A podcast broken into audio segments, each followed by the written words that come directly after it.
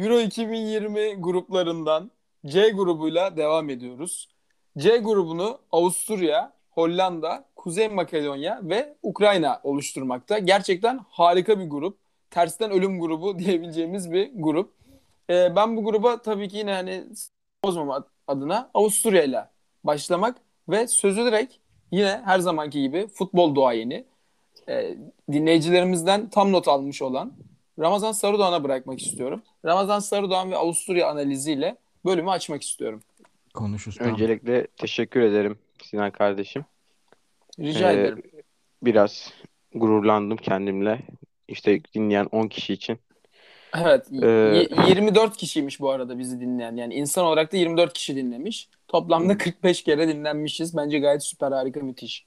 Hani bak bereket versin diye yorumlarım. Küçük esnaf olduğum için. Aynen öyle. Ee, Avusturya için söylenecek şeyler arasında Euro 2008'i İsviçre ortaklığında düzenlemişlerdi. Ondan sonra yine uluslararası turnuvalarda boy gösteremediler. Ancak Red Bull'un Salzburg'la, Leipzig'le, Amerika ve Brezilya'daki bağlantılarıyla en sonunda Asya'da bir takım aldılar. Ee, bir yapılanmasıyla Avusturya futbolu kalkındı. Yaklaşık 20 senedir yapılanıyorlar. Red Bull Salzburg, e, yine önemli yatırımlar yapıyorlar. Avusturya küçük Almanya. Zaten Almanya ile kökeni aynı olan bir ülkedir. E, Hitler Avusturyalıdır ve Almanya ile birleşmiştir hemen Avusturya Führer Almanyası'nda. Evet. E, Nazi Almanyası'nda birleşmiştir daha doğrusu Führer demeyelim de. E, Avusturya genellikle Bundesliga'da oynayan oyunculardan kuruldu. Yine bu oyuncuların hemen hemen %60-70'ti diyelim. Leipzig ve Salzburg'un e, tedrisatından geçti. E, bu oyuncular arasında Almanya doğumlu da çok fazla oyuncu var. E, Avusturya'yı konuşurken tabii ki de Salzburg'a değinmeden olmazdı. Salzburg'a değinirken de işte Leipzig'e gelecekti konumuz. Bu arada Şaşa Kalaz için Avusturyalı olduğunu ben bu sene öğrendim. Bu sene zaten Evet. patlama yapan bir oyuncu. 2 metre, yeni yan koller.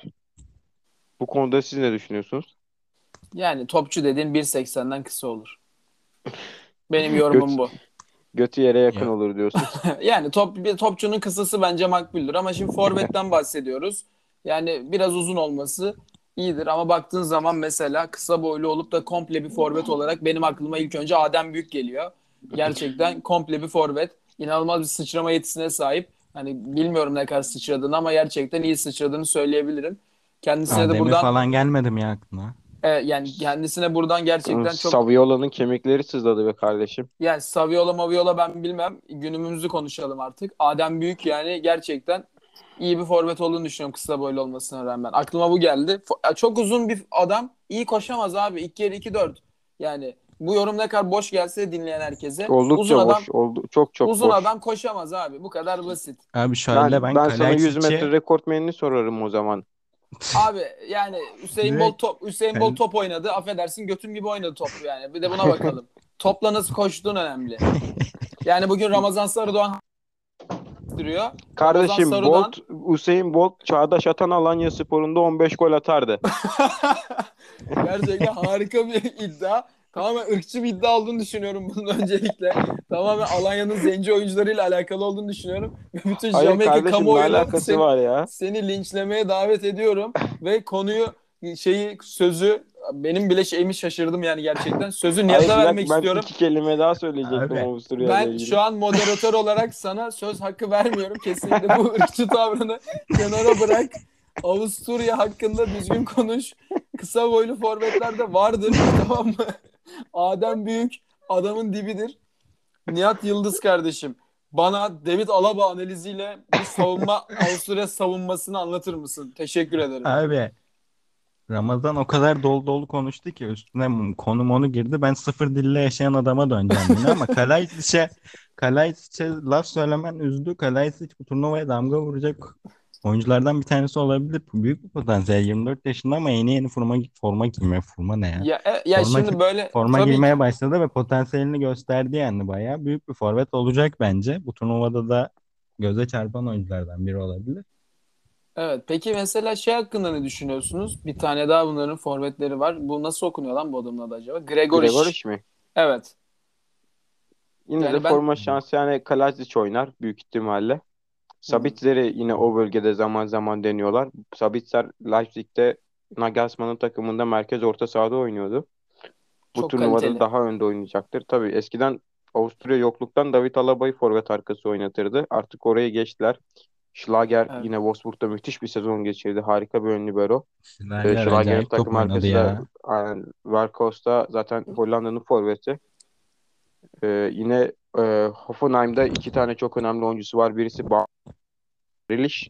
Onlar da Hoffenheim'ın orta sahasını toparlamıştı. Avusturya iyi bir jenerasyon yakaladı. Orta standardı olan bir takım. Bundesliga'da oyuncuları var sürekli. Ve merkez orta sahasında Laimer, Baumgartner, Grealish, Baumgartlinger, Isanker, Sabitzer müthiş artık yoğunluğu olan bir takım. Avusturya'nın bana göre yani bizim milli takımımıza benzer özellikleri var. Bizim milli takımımızdan ayrılan tek konusu kalecileri. Kalecileri yok. En son kolsuz Kesinlikle. Ramazan Özcan koruyordu kaleyi. Diyeceğim her şeyi söylediğin için ben sonra sıfır dille dönen adama dönüyorum. Evet, Allah'a evet. çok şükür Pavo- bu turnuvada Pavo- yok. Pavo Pervan da herhalde Avusturya'nın Kürtlerinden yani. Ben bu şekilde yorumladım. Pervan nasıl bir isim gerçekten. Yani onun dışında kalecinin olmaması bence çok şey değil yani. Böyle turnuvalarda ne kalecilerin ne hale geldiğini gördük yani. O yüzden ben Avusturya gerçekten turnuvada yani böyle bir şeyler yaparsa bana çok sürpriz gelmeyecek yani bu kadrodan sonra. Yani Kalazic maç Ukrayna ile oynayacağı maçı zaten. Evet yani Kalazic çok övdünüz. Kesinlikle bu adam sakatlanır. 7-8 ay oynayamaz artık. Ben buna eminim yani. Çok çok net yani. Onun dışında Sabitzer'i çok beğeniyorum. Kendisine de buradan övgü dolu sözlerle Avusturya'yı bitirmek istiyorum ve asıl tam bir şey olan ne denir ona? Kupa avcısı tersten Hollanda'ya geçmek istiyorum. Ee, Hollanda'yı ben hakkında baş- siz konuşun. Ben Ukrayna hakkında bir iki çift laf etmek istiyorum. Tamam ben öyle topu atarım sana. Hollanda'ya şöyle diyeyim. Benim sempati duyduğum takımlardan biri. Hani Belçika'ya da İtalya'ya da çok sövdün. Sen neyi seviyorsun diyen olabilir. Hollanda'yı seviyorum buyurun. Hollanda şöyle. Kale hariç bütün bölgelerinde beğendiğim oyuncuları var. Kale konusunda Hollanda da çok şanssız. Kalede Kurul var. Kurul benim hatırladığım 2014 Dünya Kupası'nda penaltı kurtarmak için oyuna girmişti. Onun dışında bir esprisi var mı hatırlıyor musun? Hayır. Hiçbir esprisi yok. Burak'tan yediği goller yeterli zaten ne kadar öküz bir kaleci olduğunu görmek için. Ama kesinlikle sempatik bir takım. Savunma konusunda Van Dijk'in yokluğu tabii büyük bir eksiklik. Ama yine de iyi bir tandem oluşturabilecek oyuncuları var. Sağ tarafta Dum- Dumfries hani hücum performansı çok verimli bir oyuncu. Savunma performansı bir o kadar rezalet bir oyuncu. Genel olarak beğendiğim bir oyuncu. Ama e, PSV'nin de tabii vazgeçilmez oyuncularından biri. Ama bu dezavantaj olarak yazılabilir Hollanda'ya. Ee, şöyle diğer tarafta Wijndal benim çok beğendiğim çok büyük potansiyel. Turnuvaya damga vurma ihtimali var. Ee, kariyerinde de çok büyük sıçrama yapması beklenen oyunculardan biri. Onun oynaması da e, mantıklı gözüküyor. Onun dışında çok fazla ne diyebilirim? Orta sahası yine göze çarpıyor. E, rotasyonu en güçlü ekiplerden biri bana göre. De Jong, Wijnaldum, Van de Beek, Klaassen gibi göze çarpan bir orta saha. Bana göre turnuvada sürpriz yapma ihtimali olan takımlardan bir tanesi. Ne kadar katılırsınız bilmiyorum ama sempati duyduğum bir takım. Böyle değerlendiriyorum. Bu yüzden turnuva e, bu grupta çok fazla sıkıntı yaşayacaklarını düşünmüyorum o yüzden. Dediğim gibi Wijndal'a dikkat edilebilir. Ama kalecileri kötü. Bu kadar benim. Yani benim de söyleyeceğim ya aslında çok bir şey yok. Yani sonuç olarak Türkiye'ye yenilmiş bir takım ama hani tek maça göre tabii ki de değerlendirmek doğru olmaz. Sadece şunu demek istiyorum. Yani uzun bir süre çok şey çektiler, sıkıntı çektiler gerçekten. Yani yeni bir jenerasyon oturduğu için hani bu saatten sonra hani bu turnuvada olmasa bile bilmiyorum hani ilerledikçe Hollanda'nın biraz maç oynaması gerektiğini düşünüyorum aslında. Bu kadar topçu, kağıt üstünde inanılmaz iyi topçular var. Hatta kötü bir topçu ben yani okuduklarım içerisinde yok gibi neredeyse. Hani gerçekten iyi bir kadro. Ama hani yine de bilmiyorum abi Avrupalılar biraz salaktır yani anladın mı? Mesela Hollandalılar salaktır yani biraz. Hani bu arada konudan tamamen bağımsız. Ortaokuldayken bir Hollandalı bir hafta evine misafir etmiştim. Ee, kendisi erkek tabii ki yani 23 Nisan dolayısıyla. Ee, kendisi PSV taraftarıydı. Yani max PSV'li zekası. Tam olarak bu şekilde. Harbiden futbol cahili biriydi. Sıfır İngilizcemle ondan daha iyi yani futbol yorumu yapıyordum o dönemlerde. Aklıma bu geldi. Hani biraz gevşek bir millet. Hollanda'dan artık bir bok olmaz yani bence. Hani bu grupta tamam Hollanda zor. zaten Hı hı. Zorlanacaklarını bu grupta asla düşünmüyorum yani. Sen bir Hollanda'sı sonuçta. Hani bam güm oyuna geç kardeşim. Bu kadar basit. Ama hani çok da bir şey yani artık eh. Ya Bence Hollanda Hollanda şöyle ya turnuvayı çok iyi geçiriyor ya da çok kötü geçiriyor zaten 2010'dan beri. 2010'da final, 2012'de grupta sıfır çekerek elendi mesela. 2014'te yarı final üçüncülük yaptılar. Sonra turnuvaya katılamadılar galiba. Böyle bir CV'leri var. Ama işte işte tekrardan güzel göreceğiz. bir jenerasyon yakalanmış aslında hani Nihat, baktığımız Nihat zaman. kardeşlere bir şans tanıyor. Bakacağız. Yani Ramo abi sen bu konuda bir şey söylemek istiyor musun Hollanda hakkında yoksa portakal bıçaklayacak seviyeye mi geldin? Bu konuda bir Ee, bilgi alabilir miyiz? Hollanda eskiden devamlı böyle insanların el üstünde tuttuğu oyuncuları olan bir takımdı. Ee, artık Frankie de Jong, Matthias de Ligt gibi isimlerin buraları ele alması yine Ajax altyapısında son dönemde meyve veren oyunculardan birisi Gravenberch. Eski Hollanda yok. Tabii ki de buna katılıyorum. Artık aşağıdan yeni yeni oyuncular geliyor. Donyal Malen, Gravenberch, Frankie de Jong, işte De Ligt bunlardan Gakpo bahsediyoruz. da olabilir bunu söylemeyi unuttum. Aynen aynı fikirdeyim. Gakpo, Muhammed İhattaren. Yani e, yine iyi bir jenerasyon yakalayacaklar ama o turnuva bu turnuva değil diye düşünüyorum. Bence Çok de fazla bence tam olarak bunları demek istemiştim aslında demin. Gerçekten benim bana da bir tercüman olmuş oldun. Çok fazla ilerleyeceklerini düşünmüyorum. Ben aslında Avusturya, e, Ukrayna konuşmak istiyorum. Evet. Ben şimdi Hollanda ile ilgili bir de şunu söylemek istiyorum. Ben, benim yani tamamen kafamdan şu geçiyor. Maç sonu ana bacı söverek soyunma odasına yürüyen Memphis Depay. Bunu net görüyorum yani. Net banko görüyorum. Terlemiş leş gibi. Alnı falan kanamış böyle. Bunu söylemek istiyorum Hollanda hakkında ve gerçekten artık Makedonya'yı sona bırakarak Ukrayna analizine geçmek istiyorum. Evet. Ramazan Sarudan sendeyiz. Gerçekten orta sahasında bir ben yokum. Bütün Karadeniz'i çağırmış. Gerçekten yani neredeyse Yusuf Yazıcı'yı bile Ukrayna çağıracakmış. Evet. Benim için turnuvanın sürpriz takımı olmaya aday bir takım Ukrayna. Neden böyle düşünüyorum? Çünkü Ukrayna bir iç karışıklıkta. Ee, çok fazla alttan iyi oyuncular yetiştirmekle beraber 6 Nisan 2014'te Ukrayna'da bir devrim gerçekleşti. Donbas Savaşı diye bilinen bir devrim. Turuncu devrimin tetiklediği bir devrim gerçekleşti ve Rusya yanlıları Shakhtar Donetsk'in de bulunduğu bölgede yani Donbas bölgesinde büyük bir devrim yaparak Ukrayna bayraklarını indirerek adeta ülkeyi ikiye böldüler. Tabii ki de Rusya'nın destekleriyle ta- tabii siyaset programı değil ama böyle şeyler genelde milli duyguları pekiştirir. pekiştirir. Tabii kulüplerin küçülmesi daha çok yatırım yapması ve insanların bir dönem Brezilya'da çıkan oyuncular gibi Brezilya'da eskiden çıkan topçular hep şundan bahsederdi. Açlıktan kurtulmak için futbol oynamak zorundaydım. Afrika'dan çıkan oyuncular aynı şeyi söylüyordu. Açlıktan kurtulmak için futbol oynamak zorundaydım. Bugün bir doğalgaz cenneti olmasına rağmen Ukraynalı oyuncular için aynı durum geçerli olmaya başladı. Eğer oyuncular Shakhtar ve Kiev altyapılarından çıkıp profesyonel seviyeye ulaşıp Avrupa'ya kendilerini atabilirlerse veya o takımlarda oynamaya devam edebilirlerse aynı onların statüsüne geldi. Bununla beraber Shakhtar'ın ve Kiev'in küçülmeye gitmesiyle beraber bu oyuncular daha fazla süre almaya başladı. Artık onlar için de bir kurtuluş mücadelesi gibi oldu. Shevchenko'nun turnuva öncesi bir açıklaması vardı efsane forvetin. Ne yazık ki Ukrayna'da yaşayamıyorum. Ukrayna milli takım hocasıyım. Ukrayna'da yaşayamıyorum. Takımı topladığımız zaman Kiev dışına bir yere gidemiyoruz. Bu çok üzücü diye bir açıklaması vardı.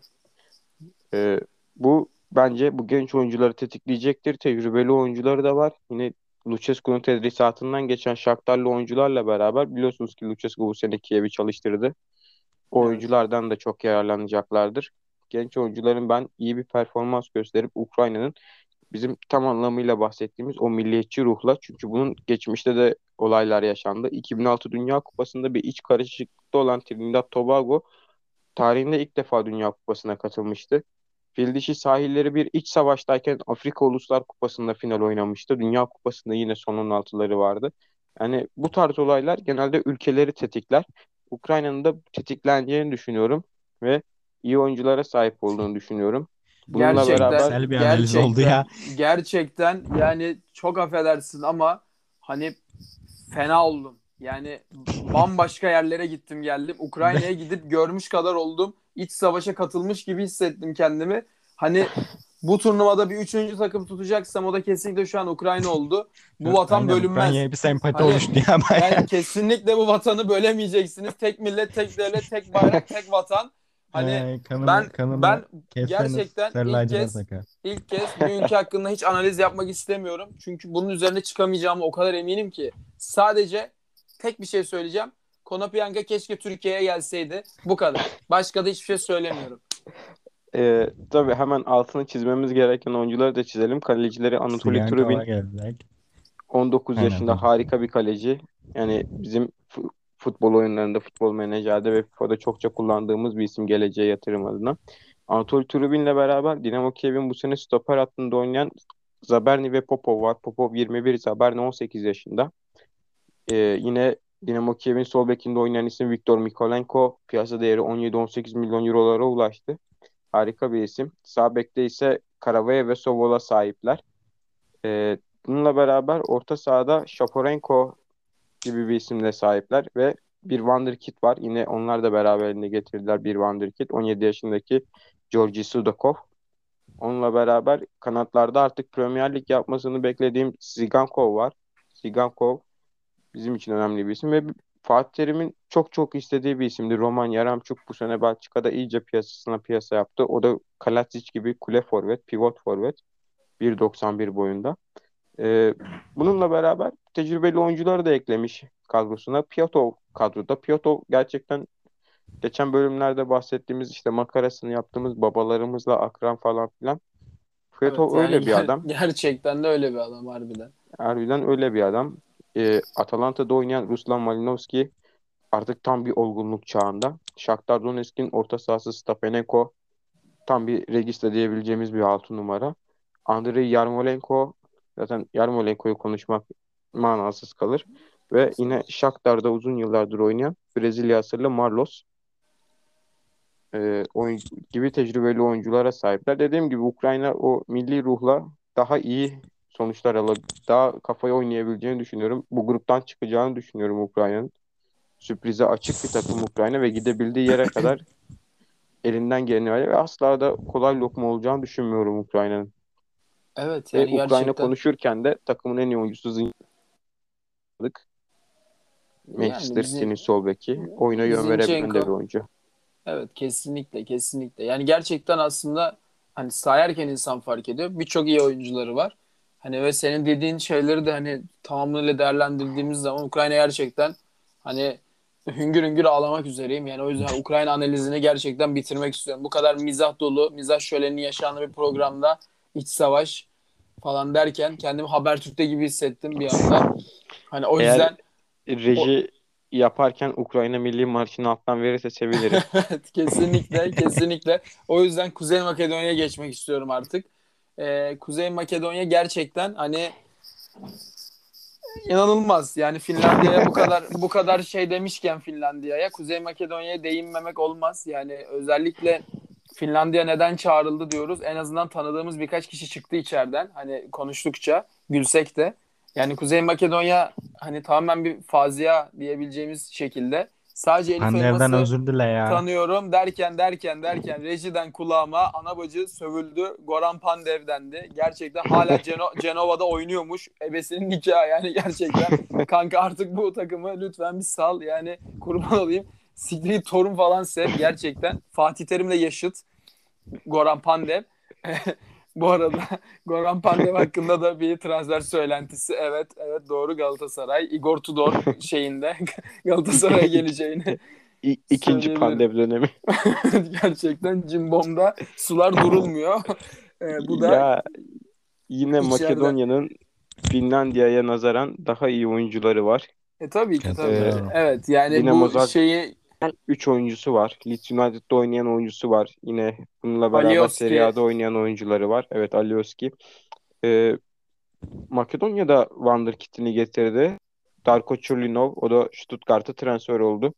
Onda neler yapacağını merakla bekliyorum. Ademi ve Ristovski Dinamo Zagreb'de oynayan oyuncuları. Dinamo Zagreb biliyorsunuz son yıllarda adından sıkça söz ettirmeye başladı. Bu sene de çeyrek final oynadı UEFA'da. Bir Hırvat takımı için iyi sonuçlar. Alioski yine Leeds United'da oynayan sol bekleri. Ee, Elif Elmas ve Enis Badri Makedonya'nın en iyi oyuncuları. Elif Elmas henüz 21 yaşında hala. Fenerbahçe'mizin büyük keşfi. Napoli'de oynuyor. Tabii pek Elif Elmas ama hala 21 yaşında mı abi? Gerçekten bu adam benden büyüktü. Nasıl benden küçük oldu ben anlamadım ya. Ee, ve Goran Pandev'e sahipler. Tecrübeli santrafor. Onun arkasında şekillenen bir takım var. Abi Goran Pandev tecrübeli şeyini biraz abartmış bir adam değil mi artık? Yani gerçekten hani bu adamın emekli olmasını düşüneli ben bir 7 sene falan oluyor yani. Hani gerçekten Bizden adam- giderken ben emekli olmasını bekliyordum. Evet yani bu adam artık neden oynuyor gerçekten. Yani saçında şey saçında diyorum kafasında saç kalmamış. Hani bitmiş yani bu adam tükenmiş artık gerçekten. Hani yine de bilemiyorum. Bana artık şey mi yapacak? Hani bu sefer de beni mi göt edecek? Bilemiyorum. Ben Pandev'i severdim Galatasaray'dayken. Her ne kadar bana burada gerçekten kayılacak olsa da Pandev Pandev'di yani. Bana çok fena şeyler çağrıştırıyor. Kupada attığı goller. Teşekkürler. Balçova Yaşam Spor geliyor benim. Evet Balçova Yaşam Spor attığı harika gol. Hatırlamıyorum ama neyse. Yani Ramo abiden geniş böyle hani Kuzey Makedonya hakkında gerçekten hiç merak etmediğimiz bir bilgi var mı? Ee, ya Makedonya hakkında aslında konuşabileceğimiz sadece bir Büyük İskender var. Büyük İskender bir Makedonyalıydı.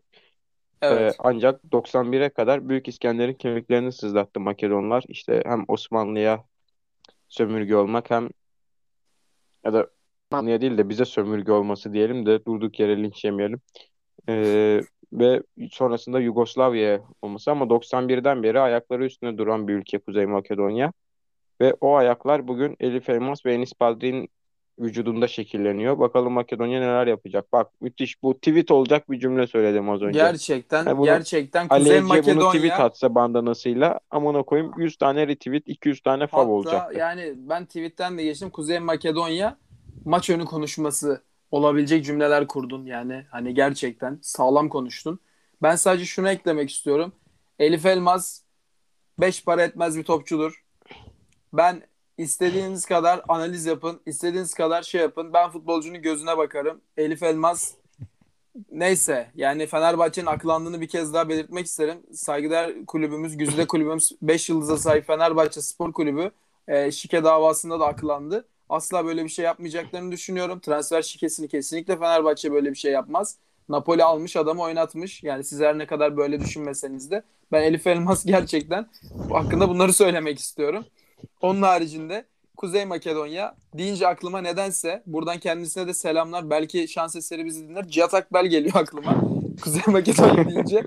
O kadar yani artık fazla da uzatmak istemiyorum. Elif Elmas, Cihat Akbel ve Goran Pandev üçlüsünde bünyesinde bulunduran Kuzey Makedonya'nın ardından e, bu grupla ilgili bir sıralama tahmini yapacak olursak yine her zamanki gibi e, ilk önce Ramazan Sarıdoğan'dan duyalım sıralama tahminini. Ben Ukrayna'yı birinci sıraya koyuyorum. Romantik Yalnız. yaklaştığımı söyleyebilirsiniz ama Hollanda hazır değil bana göre. Türkiye'den de 4 yediğini hatırlarsak Ukrayna'nın ben bu gruptan lider olarak çıkacağını düşünüyorum. Hollanda 2, Avusturya 3. Avusturya da bana göre en iyi üçüncü olarak gruptan çıkacak. Çünkü bu grupta en iyi üçüncü mutlaka çıkacaktır. Her takımın Makedonya'yı yenip diğer takımlardan da puan alabilecek potansiyelde olduğunu düşünürsek 4 puan baremi en iyi üçüncülük için yeterli olacaktır 3 maçta. Ee, ben 3 takımın bu gruptan çıkıp Makedonya'nın da iyi bir tecrübeydi. Önemli olan buralara gelmekti. İyi ya gezdik falan demesini bekliyorum. Bir hava aldık bence de kesinlikle. Peki Nihat Yıldız senin grup tahminini alalım. Sıralama Abi tahminini. şöyle Kuzey Makedonya çıkıp da burada Ukrayna'yı patlatırsa şans eseri ya da oldu ya bu yayının bütün sihiri kaçar. Olur mu? Evet. Olur. Neden Kesinlikle olmasın? olur. Yani bu sadece bizim başımıza gelir zaten. Kesinlikle yayının bütün sihiri kaçar. Hollanda lider tabii ki. Dediğim gibi benim sürpriz adaylarımdan bir tanesi. Sempati duyduğum takımlardan bir tanesi. Ukrayna ve Avusturya, Avusturya maçının kafa kafaya geçeceğini düşünüyorum. Burada Ukrayna çok övüldü. Avusturya yerildi mi bilmiyorum. Yayını unuttum artık ama koyayım. Evet Ama olabilir. kafa kafaya geçecek hatta berabere dövdük ya bitecek. Avusturya Berabere biteceğini Ukrayna'dan- düşünüyorum maç. Ee, o yüzden diğer iki maçlarının belirleyici olacağını düşünüyorum. Yani Schlager ve Sabitser'den dolayı ben Avusturya'yı hep önde görüyordum ama o kadar duygusal konuştu ki Ramazan Ukrayna'yı ikinci sıraya yazıyorum. Avusturya da inşallah çıkar gruptan en iyi Evet olarak. Gerçekten hani A B grubunun aksine bu grupta üçümüz de farklı düşünüyoruz. Ben de lider olarak Avusturya'yı yazıyorum bu grupta. İkinci sıraya ikinci sıraya Hollanda'yı, üçüncü sıraya Ukrayna'yı yazıyorum. Ukrayna en iyi üçüncü kontenjanından çok rahat çıkacaktır yukarıya. Hatta iyi bir kurada çekebileceğini düşünüyorum. Dörde de kesinlikle Makedonya yani Makedonya'ya puan kaybeden yazıklar olsun. O kadar şey söyledik. Yani Pandev, Pandev'in kel kafayı görünce patlamalı gülersin anladın mı? Hani o yüzden fazla şeye fazla söze gerek yok. Ben Avusturya, Hollanda, Ukrayna ve Makedonya şeklinde sıralıyorum. Avusturya'ya çok güvendim. Ee, üçümüz de farklı bir şey söylediğimiz için en azından birimiz patlamayacak. Kuzey Makedonya lider olmazsa. Kuzey Makedonya lider olursa da patlamayacak tek kişi Cihat Akbel'dir. Gerçekten kendisine bir kere daha teşekkür etmek istiyorum ve selam söylemek istiyorum. Böyle gerçekten dünyanın en garip analizlerinin bulunduğu iç savaştan tut da Elif Elmas'ın ayak bileğine kadar konuşulduğu inanılmaz bir programı geride bıraktık. E, C grubu analizlerimizi de bu şekilde tamamladığımız bu programda herkese iyi günler dilemek istiyoruz. Artık sürekli ne zaman dinliyorsanız demek istemiyorum. Uygun bir saatte dinleyin. İyi günlere uygun bir saatte dinleyeceğinizi düşünerek. Ramazan Sordağ'ın son bir sözü varsa kendisini almak isteriz. Son bir söz olarak hani hakikaten Ukrayna bizi, bölünmez. bizi bizi burada 25-30 dakika boyunca dinleyen herkese çok sevdiğimi belirtmek isterim. Ve tam bağımsız Ukrayna benim hayalimdir. Vallahi Artık biz bizi Kiev sokakları kadar Donetsk sokaklarında dolaşmak istiyorum ve programı Dario Şirina'nın bir sözüyle bitirmek istiyorum. Biliyorsunuz ki Şirina Hırvatistan'ın efsane kaptanı, Evet. harika sağ bekti. Shakhtar'da uzun yıllar oynadı. Ve bu savaş bittiği zaman Donetsk'e gidip yeri öpeceğim demiş.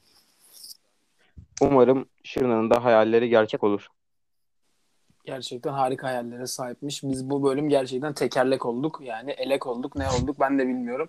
Ben, Nihat'tan ben de son... Şöyle Kalajdzic'e aşkımı ilan edeyim kapatalım. Bu kadar duygusal olduk. Evet, seni seviyorum kardeşim. Hadi kapatalım. Evet gerçekten tekrardan toparlayacak olursak herkese iyi günler dileriz. Bizi dinleyen herkese de çok teşekkürler.